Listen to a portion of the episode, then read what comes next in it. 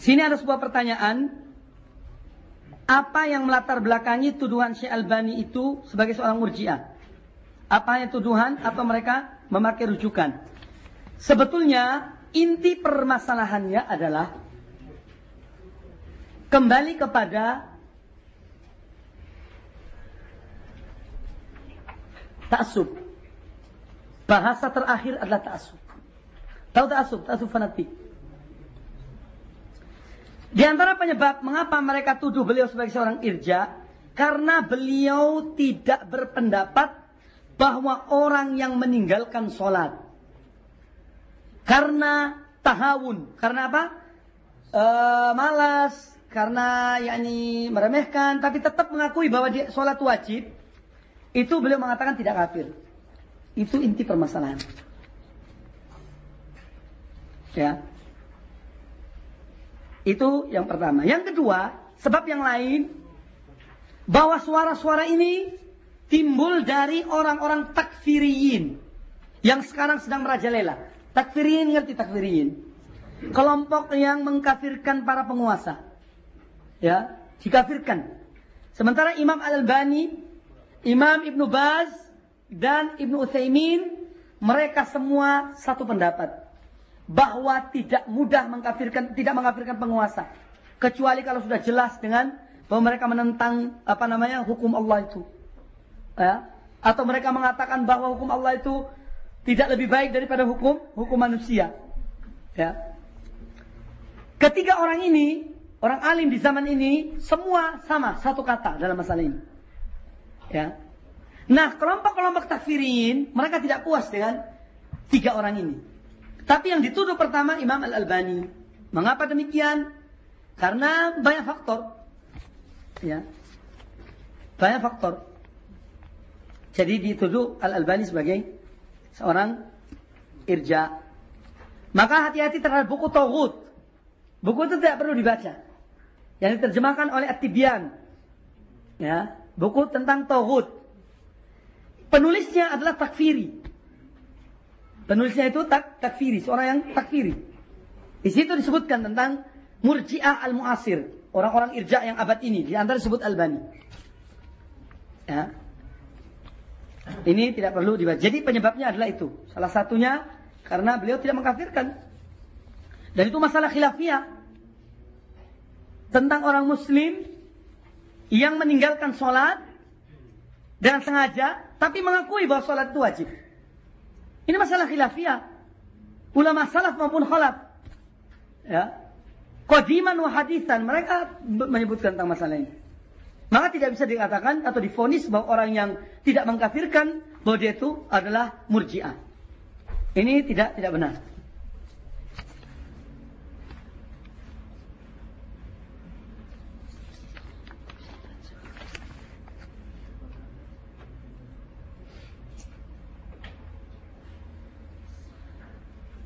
Berkaitan dengan belajar bahasa Arab supaya memahami Quran dan hadis. Bagaimana kalau orang tua melarang belajar kursus bahasa Arab? Jadi dikasih pengertian dong orang tuanya. Ya, dengan cara yang yang baik. Dinasihati. Nasihati insya Allah Allah buka hatinya. Sholat, berdoa, ya Allah bukalah hati orang tua saya supaya membolehkan saya untuk belajar bahasa Arab. Berdoa karena hati manusia di tangan Allah Subhanahu wa taala. Ya, ya muqallibal qulub. Wa zat yang membolak-balik hati manusia.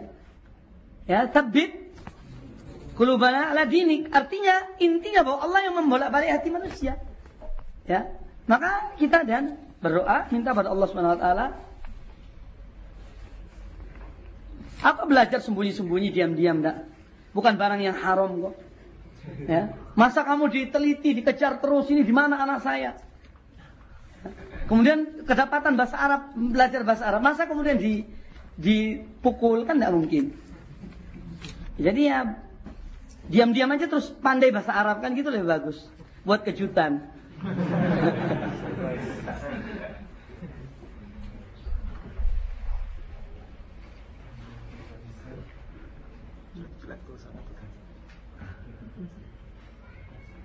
Karena melaksanakan ibadah yang masih diperselisihkan oleh para ulama. Ulama yang satu membidahkan, ulama yang lain mensunnahkan. Ini contohnya apa ya? Ah, ini masalah tentang al eh, apa namanya? Qad'ul yadain ba'da ruku. Meletakkan tangan kedua tangan sesudah sesudah ruku. Meletakkan tangan di atas dada sesudah ruku. Dan ulamanya jelas ini. Tidak usah disembunyikan. Syekh Albani membid'ahkan. Tentang meletakkan kedua tangan di atas dada setelah ruku. Syekh, Alba, uh, Syekh bin Bas memustahabkan, menganjurkan. Bagaimana Ustadz? Ini masalah-masalah yang disebut masalah khilafiyah. Ya, kata Syekh Abdul Aziz bin Bas, ini hukumnya mustahab saja. Bukan wajib. Ya, ini mustahab. Jangan diperselisihkan. Ada risalahnya tentang masalah ini. Adapun Al-Bani mengatakan, membid'ahkan. Mengapa demikian? Karena beliau mengatakan, setelah meneliti hadis-hadis atau omongan para salaf, tulisan mereka, asar-asar mereka, tidak disebutkan satu asar pun yang mengatakan meletakkan tangan sesudah i'tidal, sesudah ruku di atas dada. Itu tidak ada asar. Seandainya meletakkan tangan itu ada, yakni setelah ruku, tentunya ada dalam kitab-kitab para ulama. Ya. Nah, kemudian kalau Anda ingin selamat dalam masalah ini, ya, saya kasih satu jalan keluar wallahu taala a'lam. Dengarkan. Tolong dengar baik-baik ya. Imam Albani dalam sebuah kaset mengatakan, ya, seandainya saya sholat di belakangnya Syekh Abdul Aziz bin Bas, saya akan meletakkan tangan saya di atas dada setelah ruku. Supaya antum mengetahui Mengapa demikian? Karena beliau seorang mujtahid. Dan seorang mujtahid itu makjur. Kalau dia benar dapat dua pahala, kalau dia salah dapat satu pahala. Jadi ini yang membid'ahkan mengatakan demikian. Itu jawaban pertama. Bahwa Syekh Albani mengatakan seandainya saya sholat di belakangnya Syekh Abdul Aziz bin Bas, saya akan meletakkan tangan saya di atas dada. Karena apa? Karena beliau adalah mujtahid. Jawaban yang kedua, ya, begini saja ya akhi. Meletakkan tangan itu hukumnya apa katanya? Mus, menurut Syekh Abdul Aziz bin Bas mus, mustahab dianjurkan. Kemudian menurut Syekh Al Albani adalah bid'ah. Ya. Jika Anda khawatir mana di antara dua ini yang lebih utama ditinggalkan, ya bid'ah itu tadi. Gitu saja, Anda tinggalkan. Wong ini juga mustahab dianjurkan. Kan gitu hukumnya. Menurut satu orang ini yang alim. Yang satu mengatakan bid'ah. Ya. Jadi saya meninggalkan karena khawatir terjerumus dalam bid bid'ah. Begitu saja. Dan lagi pula meletakkan itu hanya menurut saya bimas hanya mus mustahab dianjurkan. Gitu saja. Daripada anak terjerumus dalam bid'ah ya sudah. Saya tidak meletakkan. Selesai masalahnya. Ya. Jangan diributkan.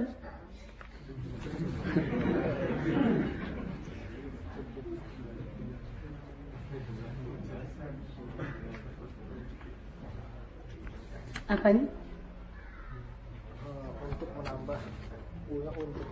Bagaimana kalau kita mengikuti halakoh untuk menambah ilmu, kemudian mengecas memperkuat iman kita. Apa boleh dan sesuaikah dengan yang dilakukan dilakukan dan apa dalilnya? Maksudnya halakoh apa di sini halakoh ini? Kalau kajian-kajian seperti ini ya dibolehkan dong. Ya. Maksudnya halakoh apa? Halakoh apa? Maksudnya halakah-halakahnya haroka.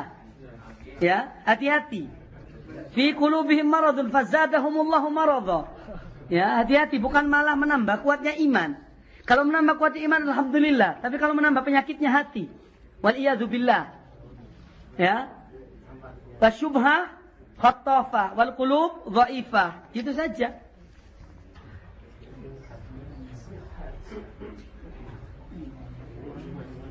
Bagaimana hukumnya bila laki-laki sholat jamaah di masjidnya hanya sholat zuhur, asar, dan maghrib? Ya apa alasannya? Subuh dan isya. Justru ini yang Kata Nabi Alaihissalam, barang siapa yang sholat berjamaah di masjid, sholat isya dan subuh sama dengan dia, sholat malam kiamul lail sepenuhnya. Ya, justru ini yang ditinggalkan. Ya, jadi tidak ada alasan ya untuk sholat meninggalkan sholat berjamaah kecuali dalam keadaan uzur. Hanya uzur-uzur syar'i yang boleh eh, yang membolehkan meninggalkan sholat berjamaah di masjid. Selama tidak ada uzur, yaitu kita sholat di masjid berjamaah.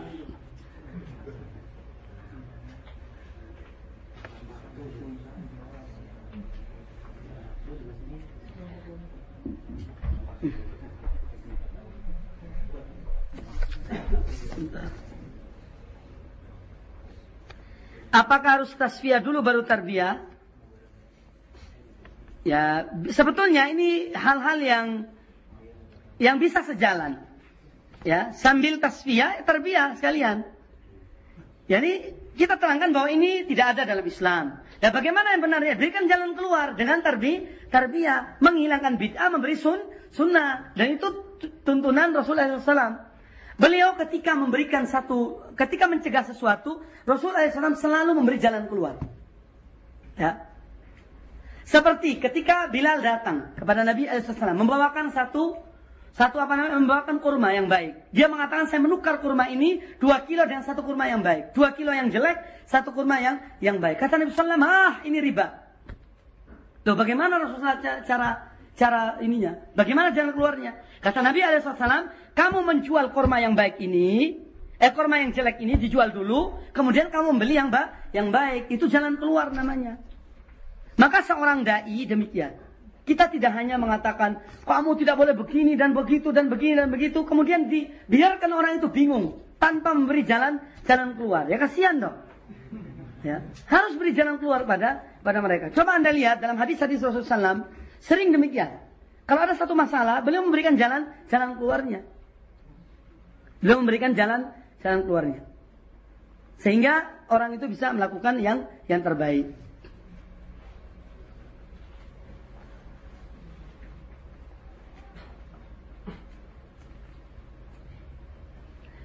Bagaimana tanggapan Ustadz? Ada orang yang berkata, orang yakni orang sholat banyak ilmu, orang salaf banyak ilmu, tapi prakteknya prakteknya misalnya akhlak dan moral sangat jauh dari nilai-nilai Islam. Mereka mengatakan bahwa ilmu atau teori saja prakteknya dikit. Prakteknya jazakumullah khairan. Ya ini sudah sempurna. ya, intinya bahwa sebagaimana saya katakan tadi, tidak bisa dipisahkan antara salaf, salaf dalam akidah, moral, ya akhlak ya dengan pemahaman mereka. Ya, ini tidak bisa dipisahkan antara dua hal ini. Seorang mengatakan dia salafi, salafi tapi akhlaknya bejat. Ya. Kemudian kita sebut apa? Salafi bejat apa begitu? Ya tidak bisa dong. Ya, maka harus harus memperbaiki akhlaknya. Ya. Jangan mengambil sebagian kemudian membuang sebagian yang lain, tidak. Tapi hendaknya bahwa akidah salaf ya dan ibadah dan cara salaf itu merubah moral seseorang pun sesuai dengan apa yang dilaksanakan oleh para salaf. Sudah saya sampaikan tentang hadis-hadis Rasul alaihissalam dan bagaimana para salaf mereka dalam masalah akhlak. Ya, ini tetap harus diperhatikan nilai-nilai akhlak dalam masalah uh, bagi orang yang mengatakan bahwa mereka adalah sebagai berintisab kepada salafus soleh ridwanullah alaihi majma'in. Ustadz, apakah politik dan agama tidak dapat disatukan? Bagaimana jika ada perilaku sahabat yang membuat perpecahan? Di kalangan umat Islam. Maksudnya sahabat siapa ini? Seperti Muawiyah bin Abi Sufyan. Sehingga muncul golongan dalam Islam. Dan bagaimana menurut Ustaz tentang perang Hondak. Yang dilakukan oleh Aisyah radhiyallahu anha. Ini yang menulis bertanya ini tidak mengerti sejarah. Ya tolong belajar sejarah baru bertanya. Ya karena berbahaya. Ya Tulisannya Masya Allah bagus. Ya, bagus. Cuma alangkah baiknya kalau Anda belajar tentang sejarah. Apakah politik dan agama tak dapat disatukan? Dalam tuntunan Islam, politik dan agama itu adalah satu. Ya. Makanya Islam tidak mengenal yang disebut sekulerisme.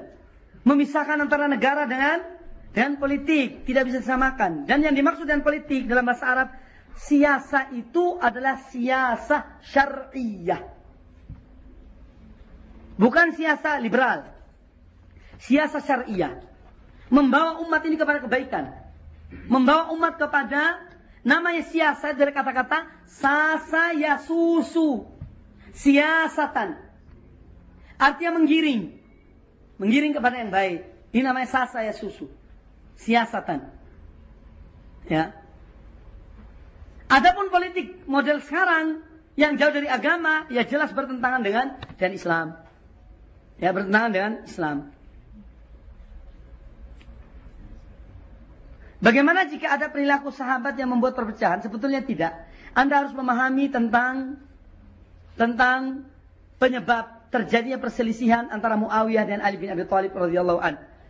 Sebetulnya saya tidak ingin menjawab masalah ini.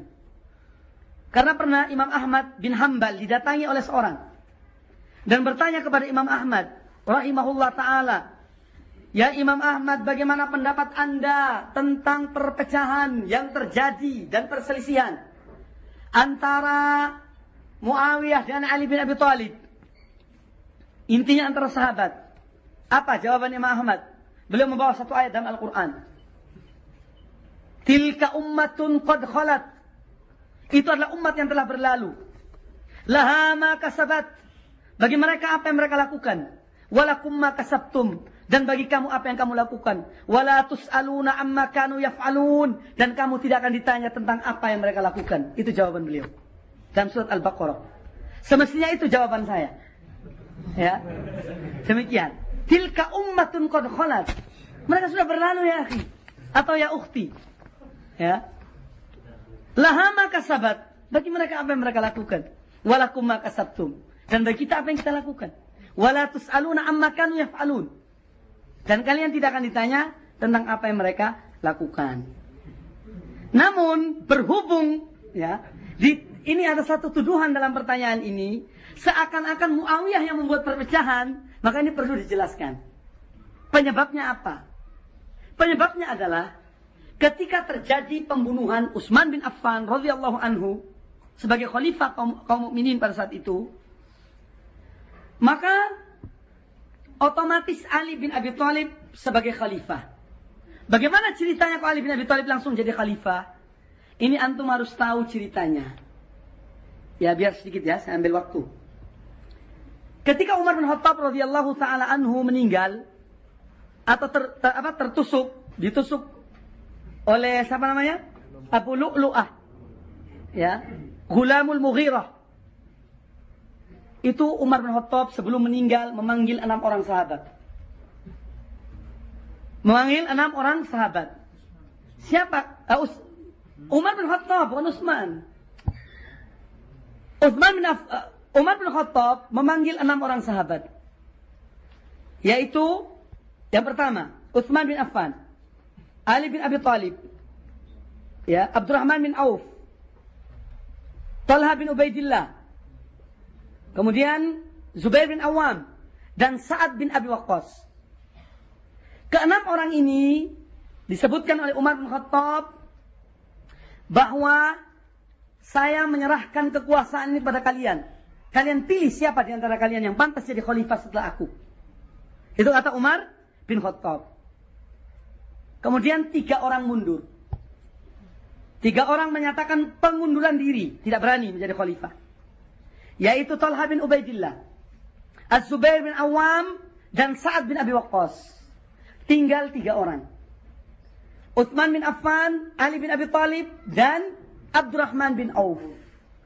Abdurrahman bin Auf mengatakan kepada mereka berdua, Ali bin Abi Thalib dan Utsman bin Affan, siapa di antara kalian yang akan yang akan mengikuti jejaknya Abu Bakar dan Umar bin Khattab dalam memimpin?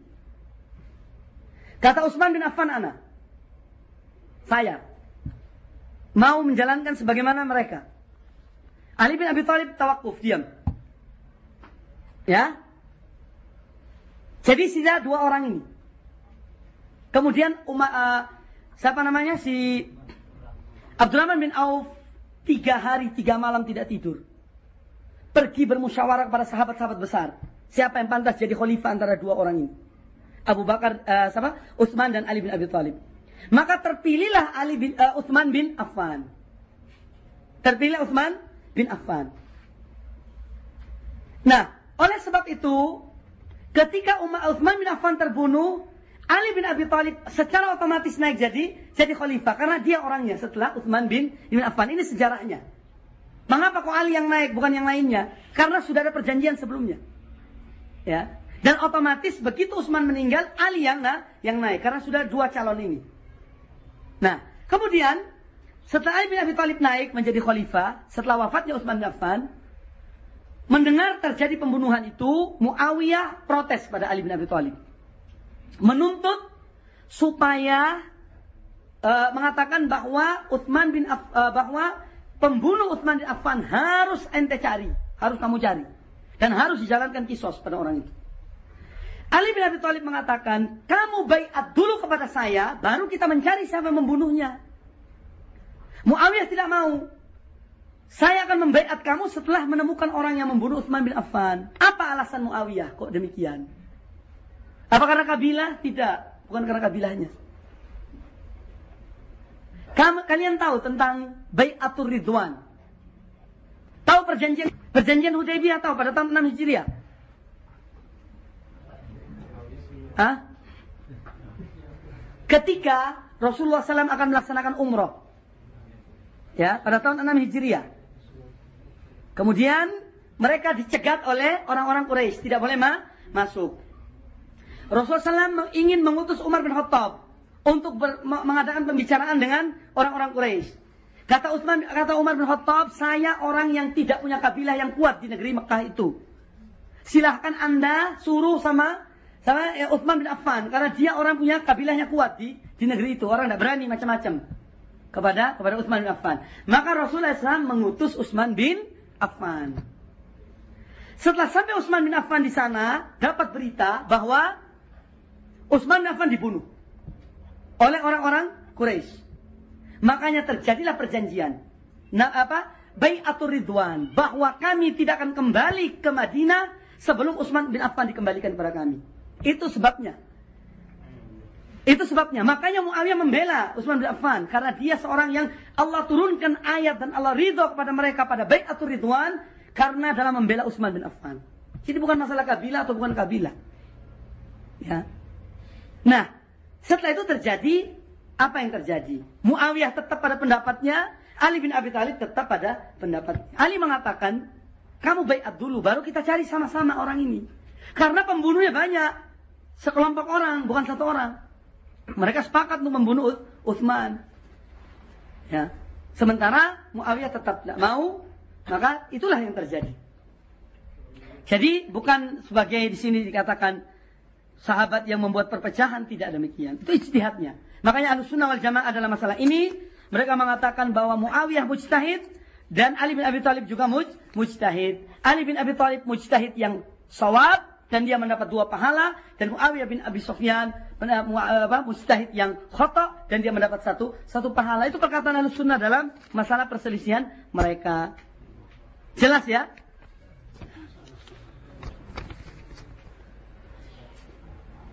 Bagaimana hukum mendengarkan nasyid?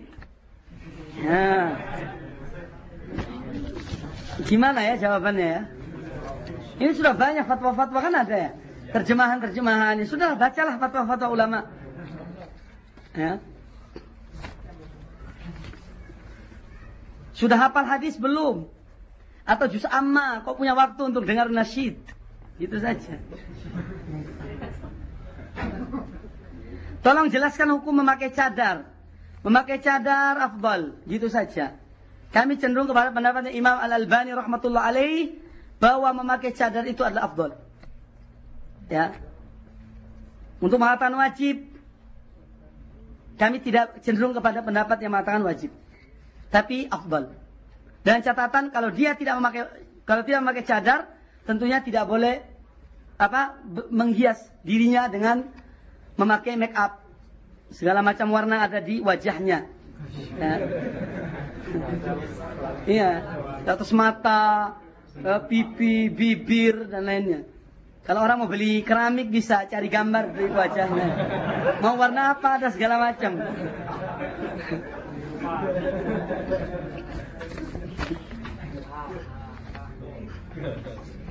Di belakang ada yang ngantuk enggak kira-kira itu? Hah? Kasihan loh yang ngantuk itu. Bayar mahal-mahal datang ke sini jauh-jauh enggak dapat pengajian. Rugi.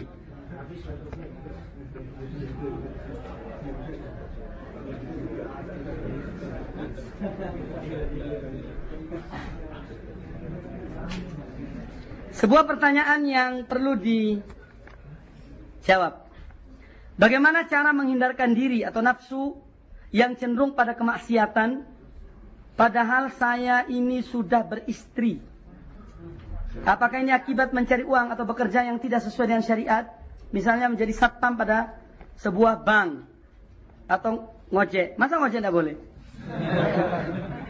atau kerja malam. Maksud kerja malam apa sih ini?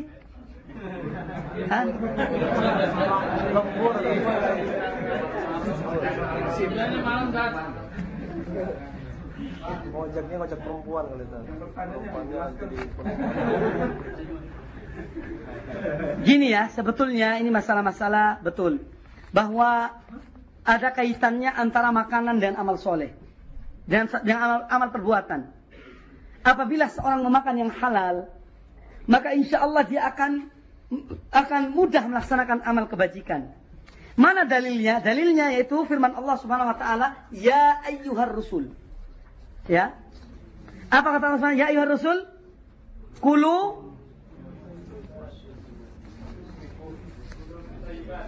Kulu Kulu min tayyibati ma razaqnakum wa'malu solehan. Ya, jadi perintah Allah kepada para rasul untuk beramal soleh itu setelah perintah Allah untuk memakan yang yang baik. Ya. Oleh karena itu akan uh, seada pengaruhnya antara makanan dan amal itu. Orang yang selalu senantiasa memakan makanan yang haram dari hasil yang haram, dia tidak akan mampu untuk beribadah dengan baik. Dia cenderung kepada hal-hal yang yang apa namanya yang yang malas, yang maksiat. Karena apa? Makanan yang dimakannya bukan yang halal. Tapi saya tidak mengatakan bahwa orang yang ngojek atau dia kerja malam hari apa itu sebagai haram tidak. Ya. Kalau bank ya sepengetahuan kami pegawai-pegawai bank itu digaji dengan uang riba. Ya.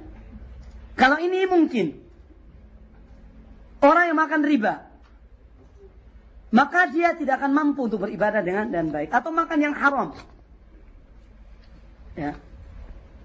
Sebagaimana hadis hadis Rasul alaihissalam, orang yang datang dengan dalam keadaan rambut tersiram, tidak ada sisir, berdebu, kemudian dia makan yang haram, minum yang haram, ya, dia minta pada Allah, bagaimana akan dijawab permohonannya? Ini juga disebutkan di situ. Oleh karena itu, bagaimana cara menghindari nafsu yang cenderung kepada kemaksiatan, yaitu seorang kata Nabi alaihissalam, barang siapa di antara kalian yang dia ingin kepada sesuatu kepada wanita, ya, maka hendaknya dia kembali kepada pada istrinya. Pernah suatu ketika Nabi Alaihissalam sedang duduk, tiba-tiba beliau masuk ke kam kamarnya, kemudian keluar lagi sudah itu sudah mandi, mandi junub. Lalu Nabi Sallam menyebutkan, artinya beliau waktu itu senang kepada seorang, tapi beliau ingat pada istrinya. Kemudian beliau masuk karena uh, kata Rasulullah, apabila kalian berkeinginan sesuatu kepada seorang wanita, maka pergilah kepada istrimu. Karena apa yang ada pada wanita itu ada pada istrimu. Nah, ini salah satu pencegah. Yaitu begitu berniat sesuatu, segera ya kembalikan segera untuk kembali kepada kepada istrinya. Ya. Bagi yang belum punya istri puasa. Ya. Sudah.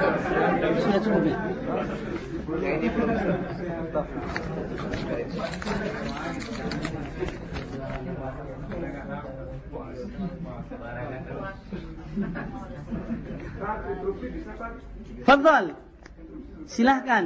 mengenai ojek tadi, tadi kan pada umumnya sekarang ini ojek gak pilih muatan, gitu kan ojek ini perempuan naik ya ojek perempuan mungkin yang dimaksud di situ ojek yang umum gitu ya suka ojek perempuan atau laki ya kalau dia sudah belajar salaf jadilah ojek yang salafi kan? Gitu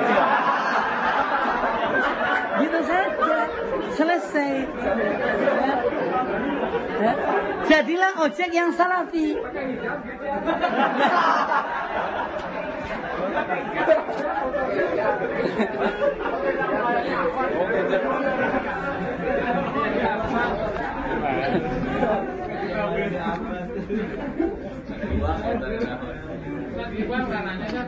Ya, bentar. Ini masih ada beberapa pertanyaan.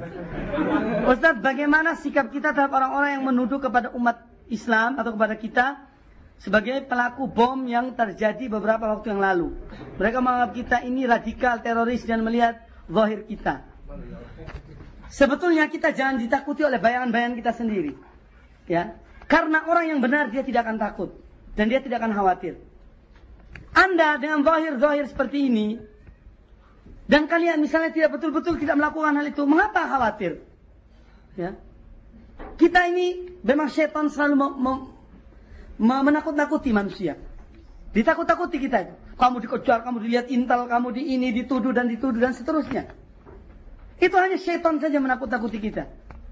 Ya, maka dari itu jangan kita khawatir selama kita tidak berbuat salah. Ya, dan dakwah kita terang-terangan, tidak tertutup, maka tidak boleh takut. Oleh karena itu memang dalam khutbah-khutbah saya akhir-akhir ini di Surabaya banyak saya bicarakan tentang masalah Islam mengecam cara-cara seperti itu, terorisme dan lain sebagainya. Ya, pemboman, pembunuhan dan ini diharamkan oleh Islam. Bahkan kata Nabi alaihi salatu wassalam, "La zawalud dunya ahwanu indallahi min qatli rajulin muslimin. Hilangnya, lenyapnya dunia ini lebih ringan bagi Allah Ta'ala daripada dibunuhnya seorang muslim. Hadis sahih, riwayatkan Imam Abi Dawud dan yang lainnya. Ya. La zawalud dunya ahwanu indallahi min qatli rajulin muslimin. Daripada membunuh seorang muslim. Maka inilah salah satu uh, akibat dari pemikiran takfiriyin. Ya, dan menghalalkan segala cara. Mereka tuh musuh-musuh kita. Ya, di mana pun kalian temu mereka maka bunuh mereka. Ya, ini kapan dilakukan?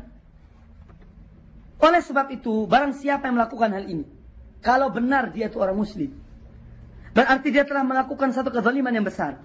Mengapa demikian? Karena dengan adanya peristiwa-peristiwa pemboman seperti ini, itu orang-orang kafir semakin menekan dakwah kita dan mereka mengeluarkan dana yang demikian besar jumlahnya untuk menghalang-halangi dakwah kaum muslimin. Dan ini berarti dia telah berbuat satu jarimah, satu dosa yang besar karena perbuatannya. Ya, jadi intinya kita tetap bersikap tegas dalam artian bahwa kita tidak pernah melakukan hal ini. Bahwa kita menentang. Entah orang takfir yang itu mengatakan kita pengecut, dakwah salafi, dakwah Yahudi atau ini terserah. Ya, itu urusan kalian. Ya. Tapi kita jangan terlalu menanggapi dan hal-hal seperti ini. Ya, ini hanya kadang-kadang dari kita sendiri. Ya, kita dituduh ini dan itu itu dari omongan teman-teman kita sendiri. Maka selama tidak ada bukti, kita tidak usah khawatir. Ya, kita tidak usah khawatir. Mungkin untuk akhwat hanya ini. Silakan dari ikhwan. Silakan, jam berapa? Tiga lebih sebelas, Masih lama kan? Masih bentar lagi. Ah, silakan Fadlan. Saat anak dengar tadi Sat, kita pada mau kebaikan nih, mesti cepat gitu Sat ya, mesti dikerjakan. Anak mau ngomong mau tak aduk ke Sat. Biar banyak mikir-mikir bagaimana ke Sat. Enggak, sawah ini serius ya. Yang dipikirkan apa? Pikirnya maksudnya macam ya macam nafkah apa gitu Sat. Masih dipikirin gitu. Apakah itu boleh dipikirin gitu Sat? Apa tembak terus? Apa?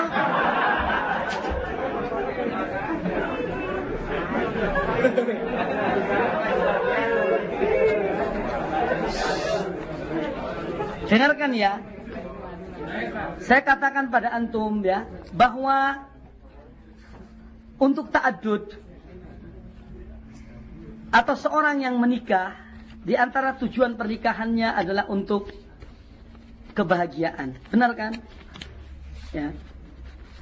Dan apabila Anda bertanya kepada istri pertama, apa kamu mau saya menikah lagi? Tidak bakal ada seorang istri pun yang mau mengatakan iya.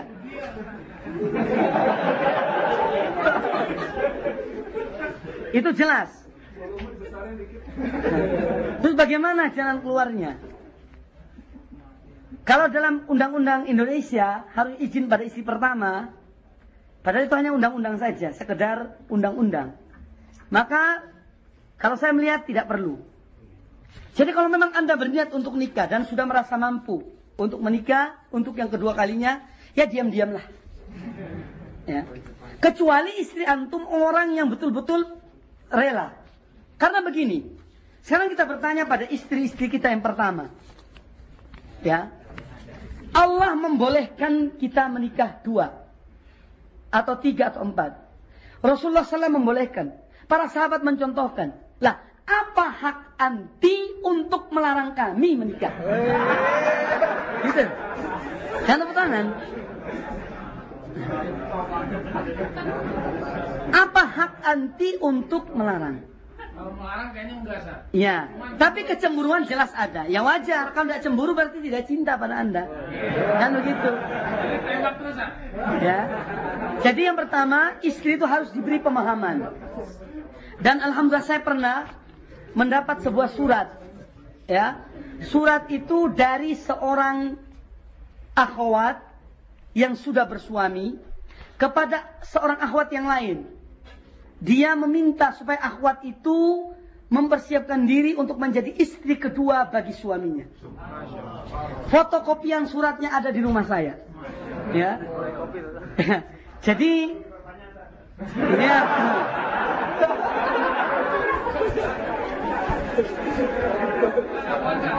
Setelah saya bertanya kepada suaminya, apa yang mendorong istri kamu kok membolehkan kamu kawin? Dan dengan sukarela menulis surat kepada calon istri kedua. Kata dia, di antaranya Ustadz, karena antum pernah ceramah katanya. Saya memang pernah ceramah, ini kejadian di Lombok. Yaitu saya ceramah pada satu kajian, waktu itu ibu-ibu. Saya mengatakan pada istri saya, saya katakan demikian. Dan ini benar saya katakan pada istri saya. Allah membolehkan. Rasulullah SAW membolehkan. Para sahabat mencontohkan. Ayah saya pun kawinnya dua. Ya. Dan kebetulan mertua saya kawinnya empat. Kenapa kamu kok larang saya kawin? Ya istri saya tidak bisa ngomong. Ya terserahlah. Tapi mangkel.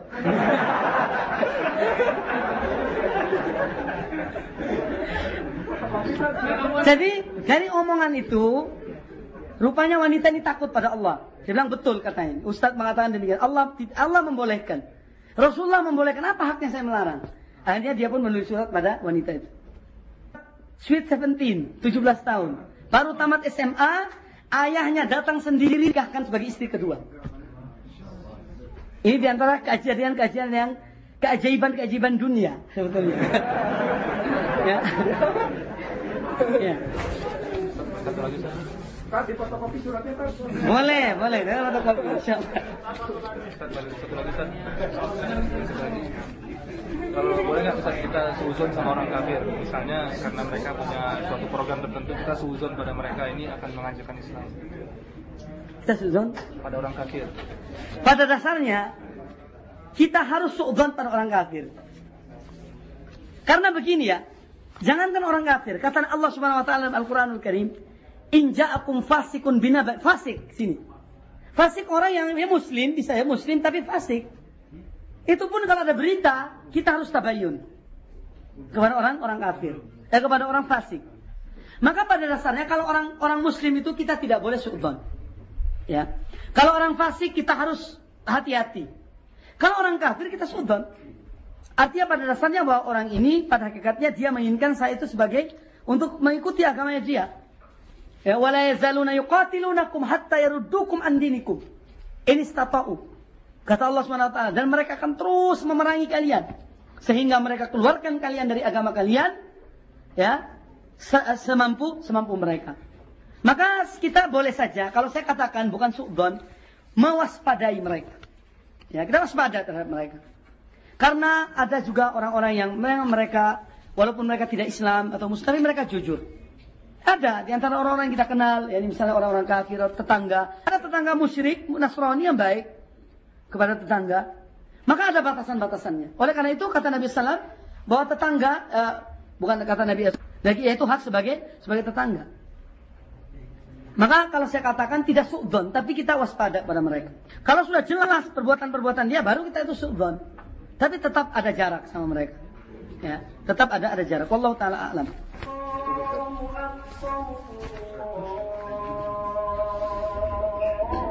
Aku lu qauli hadza, mudah-mudahan apa yang disampaikan bermanfaat bagi kita semuanya dan kurang lebihnya saya mohon maaf. Ya, kurang lebihnya saya mohon maaf. Insyaallah kita ketemu lagi pada lain kesempatan. Kami mohon supaya antum kita saling mendoakan satu dengan Allah dan Rasulnya alaihi salatu wassalam dan karena manhaj ini. Ya, saya mohon maaf. Aku qouli hadza wallahu taala a'lam. Subhanakallahumma wa bihamdika asyhadu an la ilaha illa anta astaghfiruka wa atubu ilaik. Wassalamualaikum warahmatullahi wabarakatuh.